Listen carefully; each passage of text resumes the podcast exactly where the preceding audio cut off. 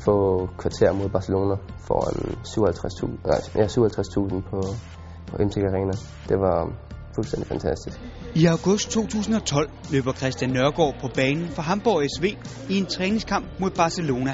Så en ting er, hvor man sidder ude på bænken og vil pisse i bukserne og tænker, altså, man vil nærmest ikke ind, fordi at det, det, er så uhyggeligt det hele nærmest, men, men da du så tager det første skridt ind over banen, der, der glemmer du alt om omgivelserne, og så er det kun banen, altså kampen inde på banen, du koncentrerer dig om.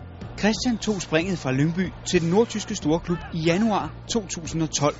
Hamburg var den største klub her i Skandinavien, så det lå meget praktisk i forhold til, øhm, til der, hvor jeg boede. Tæt på familie og venner, så selvom det skiftede til udlandet, så er det stadig kun en 3-4 timer hjem. Udover geografien spillede også den danske sportsdirektør Frank Arnesen og tyskernes vedholdenhed ind på beslutningen. De, de henvendte sig flere gange til Lyngby, øhm, meget, meget konkrete henvendelser, øhm, og det betød meget, at, at, at det var så vigtigt for Hamburg at få mig, øhm, så det ikke blev sådan en alibi-skifte. Med underskriften sat på sin første udlandskontrakt, gik en stor drøm i opfyldelse for Christian Nørgaard. Jeg kan huske en artikel, hvor jeg udtaler, at jeg var ovenud lykkelig, øhm, og det var jeg virkelig. Jeg var virkelig glad for det valg, jeg nu har truffet. Efter skiftet til Tyskland går det hurtigt op for Christian, at der hersker en helt anden disciplin her, end han er vant til fra Danmark. Vi spillede noget opvarmning, sådan, hvor træneren indgik i, i træningen. Øhm, sådan en kant, og der ja, der løb jeg så bolden kørte igennem benene på mig, og, og det sagde træneren, så det var sådan en ekstra tur. Og som, som dansker mener jeg godt, man kan have en lille diskussion med, med træneren, men det kunne man, det kunne man så overhovedet ikke. Øh, der blev jeg straks sat på plads af en af de andre spillere og sagde, du skal ikke diskutere med træneren. Og, og jeg troede bare, vi havde så gang lidt sjov, og man må snakke lidt og sådan, men, oh, og så var, så var rammen ligesom sat. Rammerne på træningsbanen har også budt på gode oplevelser. For som en fast del af Hamburgs førsteholdstrup er det ikke hvem som helst, Christian Nørgaard træner med til dagligt. Og man nogle gange lige skulle nive sig selv i armen over, at øj, nu, nu spiller man pasningssyn med Fanta Farte og sådan ting. Um, men de har givet nogle råd, synes jeg, og sagt nogle, nogle pæne ting til en, øh, og det giver selvfølgelig kæmpe selvtillid. På en promoveringstur for holdet fik Christian Nørgaard også stor ros af holdets målmand, René Adler, under en spørgerunde fra holdets fans.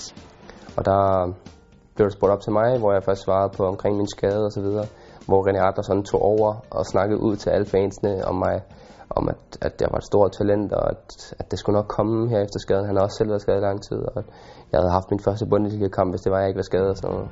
Og de ting der, det giver kæmpe selvtillid og giver tro på tingene. Tiden i Hamburg har ikke kun været et eventyr for Christian. For i efteråret 2012 blev han ramt af en alvorlig skade.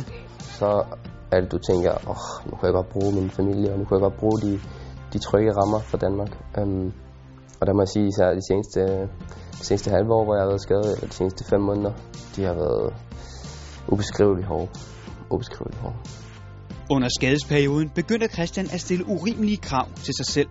Du har ligget ved sofaen hele dagen med tanken om, at de andre er ude at træne nu, og de andre hele tiden kommer skridt foran dig. Der kommer en hel masse tanker op i hovedet på dig, som ikke engang... Du behøver ikke engang at have de tanker, men, men det kan man ikke undgå her. Og så opstarten har været rigtig hård, hvor jeg har forventet, at jeg kunne være der, hvor jeg var før skaden. Um, og det har været helt umuligt at være det. I den hårde tid har Christian brugt de positive oplevelser, som for eksempel kampen mod Barcelona, til at holde humøret oppe. Og det gælder om at nyde de øjeblikke der, fordi det er sådan nogle ting, man tager med i bagagen, også selvom du ikke slår igennem, så har du det med hele livet. Efter at have kæmpet med modløsheden i et halvt års tid, går det nu den rigtige vej for Christian.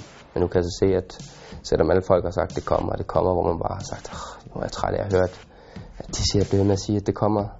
Fordi det, det, det, det, det, siger, det siger alle, de siger alle sammen det samme. Men de har jo ret, altså det skal nok komme med tiden, og, og med formen og alle de ting. Så nu kan jeg mærke, at der kommer en fremgang, og at det begynder at spille igen. Christian har kun lige pustet sit 19. lys i lavkagen ud.